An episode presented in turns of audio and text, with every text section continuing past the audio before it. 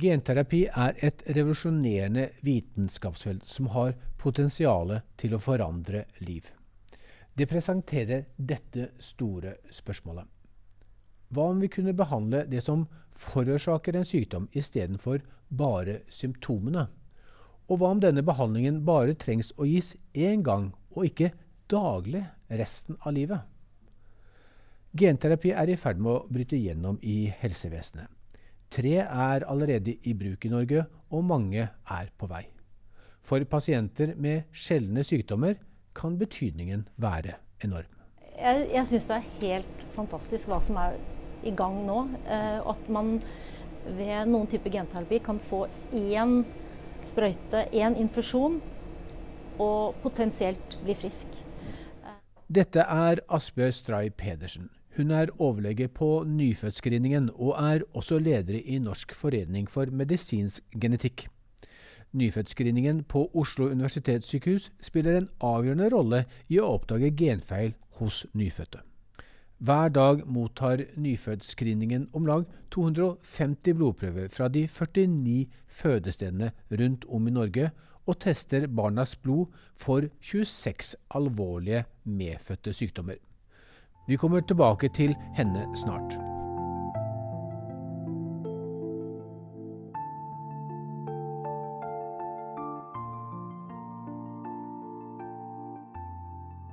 Men hva er gener? Vi lar Dag Undlien forklare dette. Han er professor i medisinsk genetikk. Den informasjonen vi arver fra våre foreldre, den er, befinner seg i form av DNA-molekyler. Uh, og de DNA-molekylene er svære, men vi kan sammenligne summen av alle DNA-molekyler i en celle. Det er det vi kaller genomet, som dere sikkert kommer til å komme innom flere ganger i denne podkastserien. Genomet det kan sammenlignes med en kokebok. Og det er en kokebok på hvorfor du og jeg er som vi er. Det, det er en kokebok som som uh, egentlig inneholder oppskrifter på hvordan vi skal lage hår, hud, hjerte, lunger. Alle de oppskriftene som gjør at, at, disse tingene lages og at de fungerer som de skal, de befinner seg i denne kokeboken. Uh, og totalt sett så har vi 20 000 enkeltoppskrifter som er det som uh, vi kaller gener, ut fra denne, i denne analogien. Så har vi 20 000 ulike oppskrifter, som, som vi, er det vi kaller genene. Og hvis vi skal komplisere det ytterligere litt, så er det noen som har hørt om kromosomer, som er på en måte Det er egentlig bare en, hvordan DNA-molekylene er pakket inni våre, inni våre celler. De er pakket i form av kromosomer, som vi har 46 av. Så til sammen så har vi på en måte du kan si 46 ulike uh, DNA-molekyler som til sammen utgjør vårt genom. Ut ifra en kokeboktanke igjen, så kan vi si at dette er kapitlene i, i boka. De utgjøres av kromosomer. Det er en enkel måte å si det på. Men, men det er en annen grunn til at, at, det er meningsfullt å snakke om kokebok, er at måten vi faktisk leser DNA på det, Vi leser det faktisk som en tekst. Det er noen kjemiske uh, Det er fire grunnenheter i disse DNA-molekylene som vi betegner med fire ulike bokstaver. A, G og C og T, for de som har spesiell interesse av det. Uh, og når vi sitter og, i, i, vår avdeling, så får vi inn pasienter med arvelige sykdommer. Og så skal vi lete, lete etter er det noe feil i denne kokeboka til denne pasienten som forklarer hvorfor pasienten er syk. Da er vi faktisk korrekturlesere. Og vi leser om en av disse bokstavene er byttet ut med en annen. Uh, Til sammen så er det tre milliarder bokstaver i dette genomet, så det er en ganske svær kokebok. Større enn noe du får i bokhandelen. Mm. Men, men, uh, men uh, ja, så det er en ordentlig stor og, ordentlig, og den viktigste kokeboken vi har. Gener består altså av DNA, som er oppskrifter for å bygge proteinene som får kroppen til å fungere.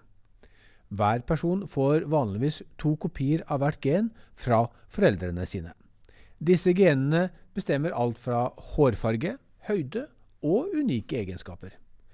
Men gener er ikke alltid bygget riktig.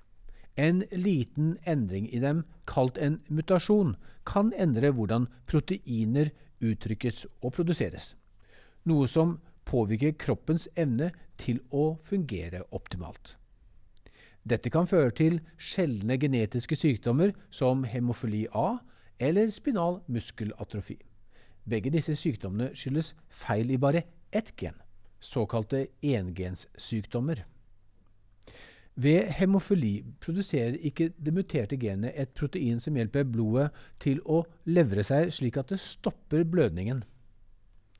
SMA er en alvorlig genetisk og progressiv nevromuskulær sykdom som forårsaker svinn av muskel og sykdomsrelaterte komplikasjoner. Den mest alvorlige formen kalles SMA type 1, der symptomene starter i spedbarnsalderen. Dette er bare to eksempler. Det er om lag 7000 slike sjeldne sykdommer, og 80% av dem har en genetisk årsak. Det er forferdelig å vite at en så liten del av kroppen kan ha så stor effekt på livet. Men det er også grunnen til at genterapi og testing for genfeil blant spedbarn er så viktig. I Norge blir det født om lag 60 000 barn hvert år. I sjeldne tilfeller kan barnet ha en medfødt sykdom, selv om det virker helt friskt fra fødselen. Alle nyfødte i Norge får derfor tilbud om nyfødtscreening, hvor man undersøker barnets blod for 26 alvorlige medfødte sykdommer. To endokrinologiske sykdommer, 21 metabolske sykdommer, alvorlig kombinert immunsvikt, kalt SKID, eller andre alvorlige T-celledefekter og cystisk fibrose. 1.9.2021 kom også spinal muskelatrofi med i screeningprogrammet. Selv om dette er sjeldne tilstander, vil ca. 1 av 1000 barn i Norge fødes med en av de 26 tilstandene i screeningpanelet. Barna fødes som regel uten tegn til sykdom, og screening er eneste mulighet for å oppdage sykdommene hos disse barna tidlig, slik at man raskt kan komme i gang med effektiv behandling, og dermed hindre eller redusere skadevirkningene av disse sykdommene. Her er Asbjørn Stray Pedersen igjen. Alle barn som fødes i Norge, får tilbud om å være med på nyfødtscreening. Med foreldrenes samtykke så testes barnet. Og da tas det en blodprøve, i fot, oftest i foten uh, av barnet, og den settes på dette kortet. Og her på nyfødtscreening så mottar vi prøven, og så puncher vi ut seks slike puncher. Og hver av de brukes til å analysere for 26 sykdommer i dag.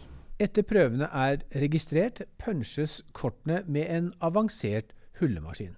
William Nicolas Tournier viser hvordan. Da har vi fått et prøvekort her, som er tatt av hælen til et nyfødt barn. Og så skal vi punche denne til videre analyser på nyfødtscreeningen. Setter vi det inn i punchemaskinen, velger ut en blodflekk som har blitt godkjent av god nok kvalitet. Så starter vi punchen.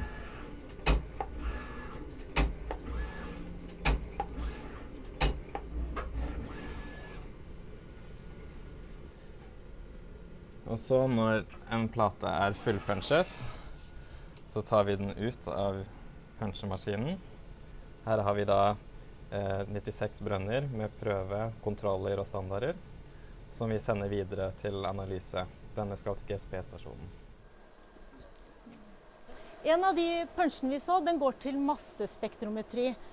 Og der tester vi 70-80 biokjemiske analytter. Og da får vi svaret på Da tester vi i prinsippet ca. 20 eh, metabolske sykdommer. Én sånn liten punch analyseres da med massespektrometri.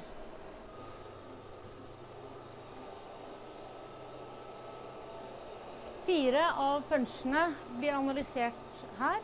Og da tester vi for fire ulike sykdommer, eh, deriblant cystisk fibrose. Førstetesten for cystisk fibrose den foretas her. Eh, hvis eh, førstetesten på cystisk fibrose viser en litt for høyt verdi, så kjører vi en sekvensering på denne maskinen. Og da sekvenserer vi hele cystisk fibrosegenet for å finne ut om barnet kan ha cystisk fibrose.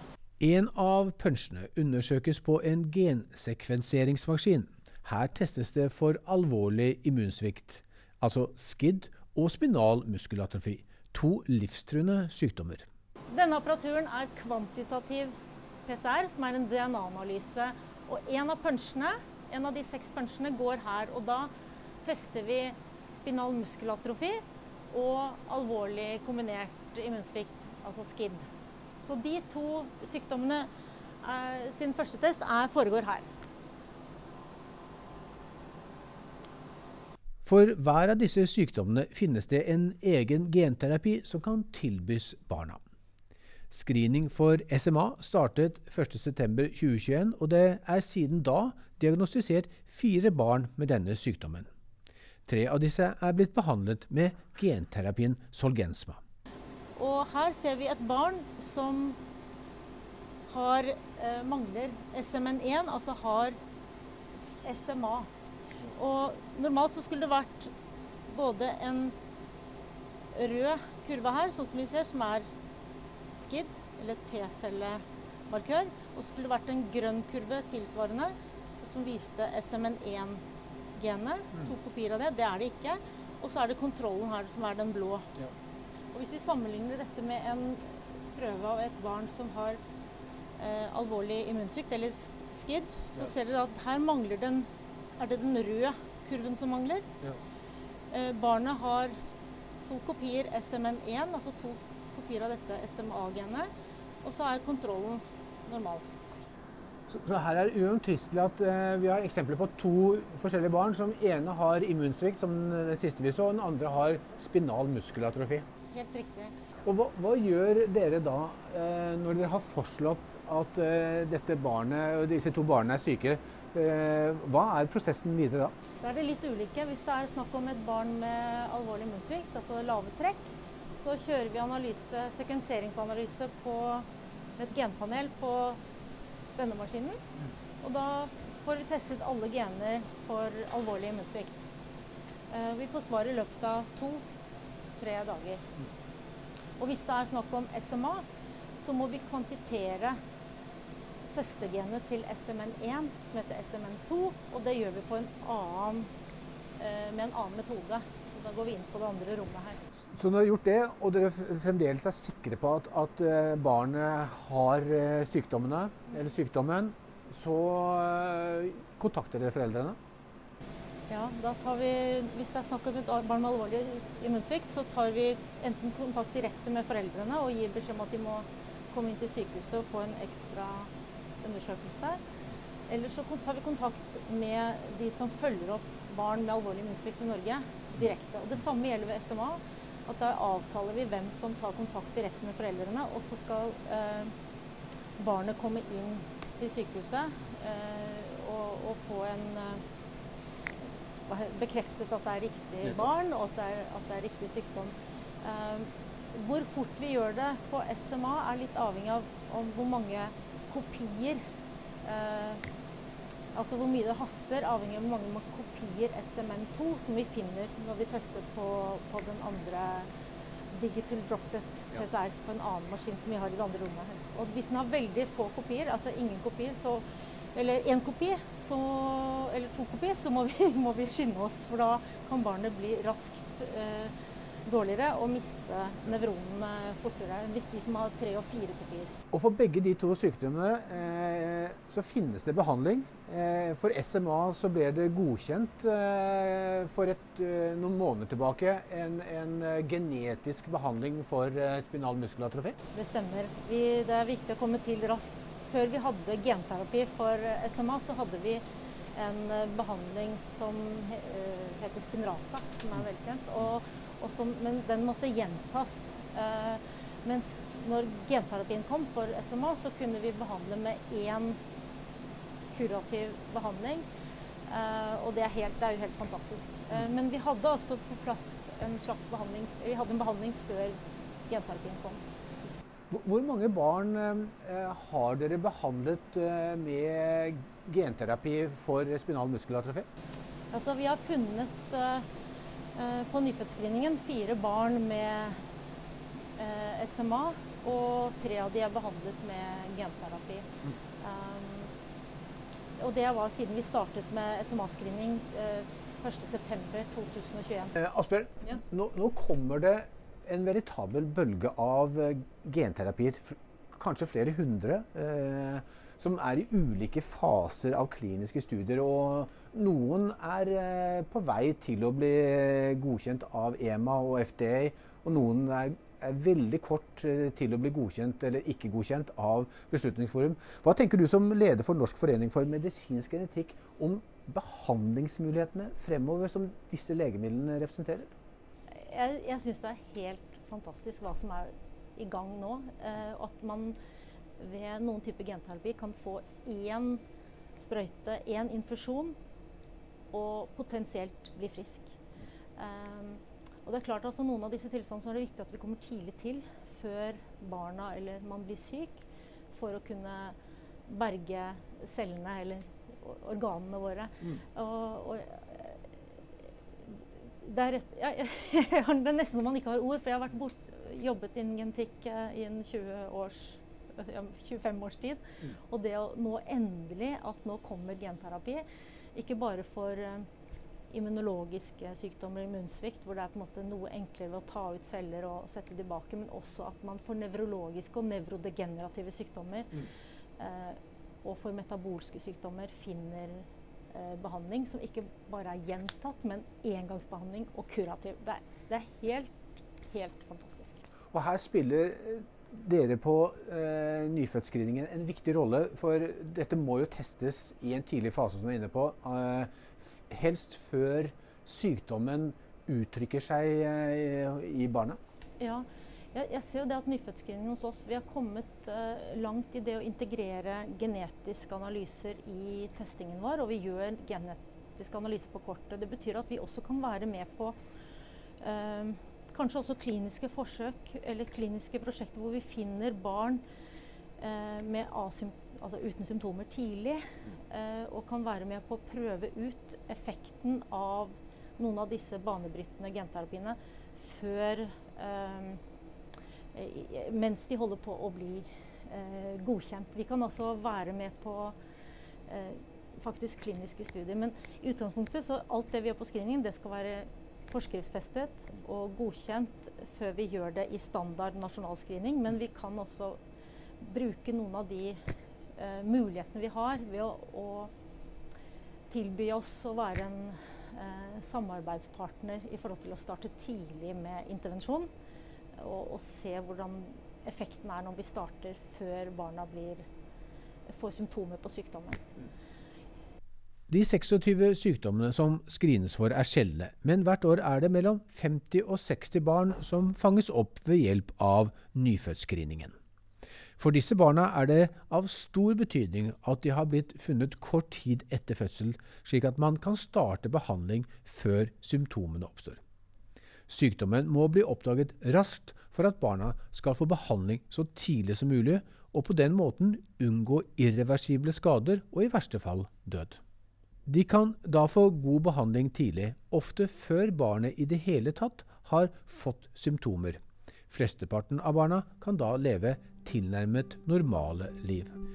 Etter pausen, hva er egentlig genterapi, og hvordan virker den? Podkastserien Den persontilpassede revisjon har vært spennende å lage, men den har også krevd mye arbeid. Podkastserien hadde aldri sett dagens lys uten våre hovedsponsorer. Jeg vil derfor sende en stor takk til AstraZeneca, Bristol Mayer Squibb, GlaxoSmithKline, Jansen og Roche. Altså, genterapi, hvis vi skal prøve å forklare det litt sånn enkelt, så er det å bruke gener til å behandle sykdom som skyldes genfeil, rett og slett. Så man enten erstatter et gen som ikke virker ordentlig, eller man kan eh, reparere det, da, skrive det om med nyere genteknologier. Dette er Sigrid Bratli. Hun er spesialrådgiver i Kreftforeningen og har en doktorgrad i molekylærbiologi. Hun har også skrevet boken 'Fremtidsmenneske'. Et gen er som et kjemisk stoff. Det kan fremstilles kunstig i et laboratorium. Fordi vi kjenner sekvensen i hvert gen, har vi oppskriften til å lage et gen. Så hvordan kan vi reparere genene? Ja, Det kommer an på hvilken sykdom det er snakk om. da. Nettopp. Eh, I enkelte tilfeller så kan man jo rett og slett ta de syke cellene ut av kroppen. Det er f.eks. genetiske blodsykdommer. Så kan man ta blod ut, og så kan man reparere genet utenfor kroppen, altså i laboratoriet, og så ta blodcellene tilbake. Men for veldig mange sykdommer så er, dette, så er det jo nødvendig å gjøre den behandlingen inni kroppen. Så da må man jo få genet, eller da eh, denne eh, genredigeringsteknologien, inn i de syke cellene. Og da må man eh, da, da må, trenger man litt ekstra teknologi. Man trenger eh, å bruke enten da en type virusvektor, som er en, en slags eh, bare et sånt tomt virus som du har puttet inn genet ditt, som da lurer genet inn i riktige celler. Eller du kan bruke andre vektorer, da, eller bærere. F.eks. sånne fettbobler. Eh, det er egentlig det samme som eh, de fleste av oss har fått eh, med koronavaksinene. Mm. Der er det mRNA som er pakket inn i sånne fettbobler. Men du kan pakke inn gener også. og sende det f.eks. til leveren. da. For der, fettbobler er veldig effektivt å gå i leveren. Genterapi tar altså sikte på å gis én gang og målrettes mot et defekt gen som forårsaker sykdom. Genterapi er en form for medisinsk behandling der genetisk materiale overføres til kroppsceller enten for å reparere genfeilen eller for å endre effekten av genfeilen for å lindre eller å unngå sykdom. Dette nye genetiske materialet, f.eks. et fungerende gen, leveres inn i cellen ved hjelp av en vektor, et transportmiddel. Virus kan brukes som vektorer fordi de har utviklet seg til å være veldig gode til å komme inn i celler. Forskere har funnet ut hvordan de kan fjerne de sykdomsfremkallende virusgenene og bruke viruset som et transportmiddel for å sette inn de nye terapeutiske genene i cellen. Leger injiserer et fungerende gen inn i kroppens celler. Dette genet vil da starte å produsere det korrekte proteinet og ta over for det defekte genet i teorien. Hvis du eh, har en genfeil, og så får du satt inn da et nytt gen Altså et gen er jo egentlig en slags eh, app. Eh, det, det, utfører en eller annen funksjon. Mm. som da, eh, Hvis du har en genetisk sykdom, så ofte så virker jo ikke det eh, ordentlig. Så kan du sette inn et nytt gen. Og da, da fungerer jo det sånn som det genet som er ødelagt, egentlig ville fungert.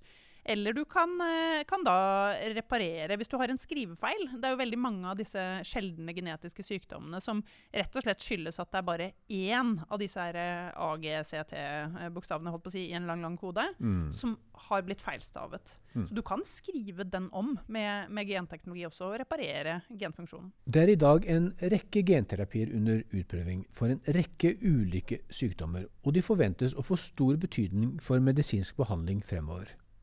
Dette er trolig den mest avanserte medisinen som er utviklet noen gang. Sykdommer som før var uhelbredelige, kan nå helbredes med én behandling. Det utvikles for tiden bl.a. nye genterapier til behandling av ulike former for kreft, blindhet, blodsykdommer og immunsvikt. Men det er skjær i sjøen. Genterapi er så ny at vi ikke kjenner til langtidseffektene. Vi vet ikke, for ingen har levd et helt liv etter å ha blitt behandlet med genterapi. Men det er like fullt stor optimisme blant leger og forskere, og ikke minst blant pasientene. Det vil jo bety enormt mye. Dette, ofte her så snakker vi om pasientgrupper som ikke har noen andre alternativer.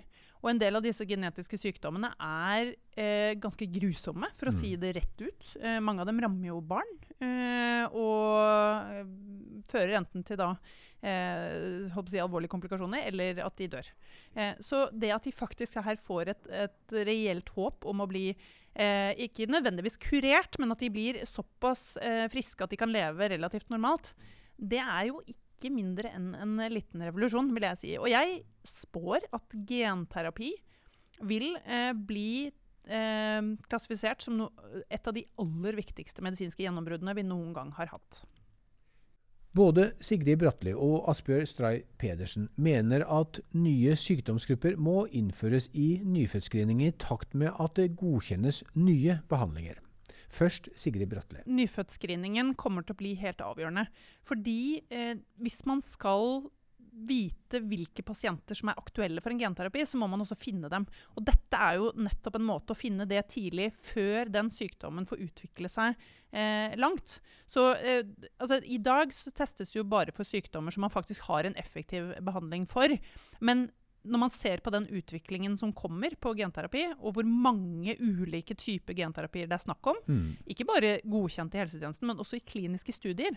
Det å kunne identifisere da norske pasienter som vil kunne være med i de studiene, og da senere også få tilgang til behandlingen når den blir godkjent, det blir helt avgjørende. Så jeg tror vi trenger en litt sånn grunnleggende diskusjon om nyfødtscreeningen og hvordan man ruster den for framtiden. For vi ser eh, erfaringsmessig at det er litt berøringsangst for å snakke om det.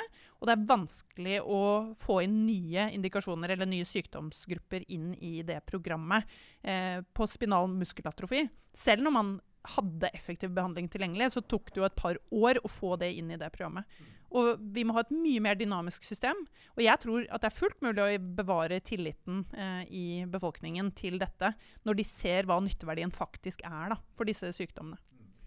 Det er Beslutningsforum som avgjør om nye behandlinger, inklusive genterapi, skal tas i bruk på norske sykehus. Men det er Helsedirektoratet som avgjør om nyfødtscreening skal starte å teste for nye medfødte sykdommer.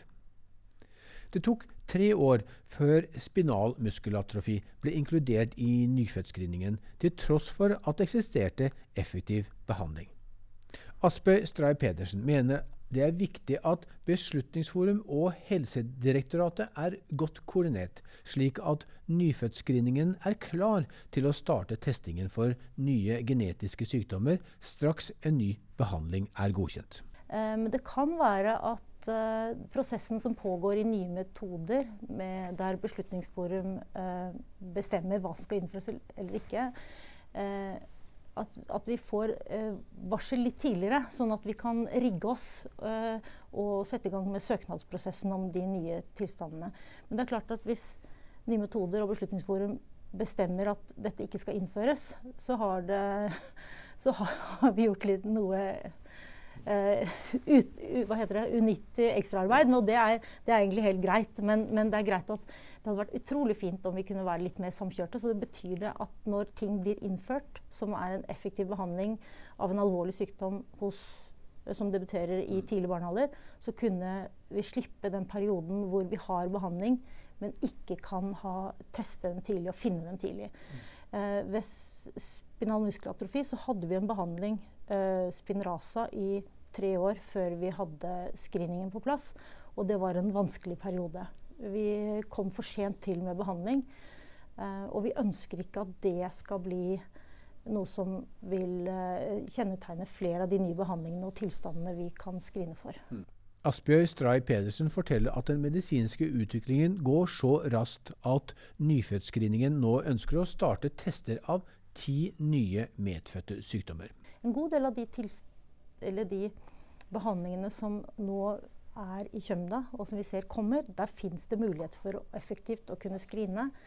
Uh, og, og, det å kunne være klar med metoder og ha testet at det funker i lab, um, det er en stor fordel når vi skal søke. Og, og hvis, hvis søknadsprosessene tar flere år, både det å få innført screeningen og først har man da flere år å få innført behandlingen, så klart at det tar altfor lang tid før vi er på plass med å kunne behandle tidlig barn som eh, ellers kunne fått en alvorlig sykdom. Genterapi virker best når sykdommen ikke har manifestert seg hos barnet, slik at man starter behandlingen presymptomatisk. Her er Sigrid Bratteli igjen. Det er jo viktig. Jo tidligere man klarer å finne ut av den uh, sykdommen, jo uh, større effekt vil man antagelig få av en, av en genterapi. Man jo, driver jo faktisk og diskuterer å gjøre det allerede på fosterstadiet. Hvis du vet at det er noe som er arvelig i familien, og hvis du vet at du har et uh, barn i magen som, som er bærer av en, en, sånn genfeil, så kan man faktisk gjøre genterapien allerede da.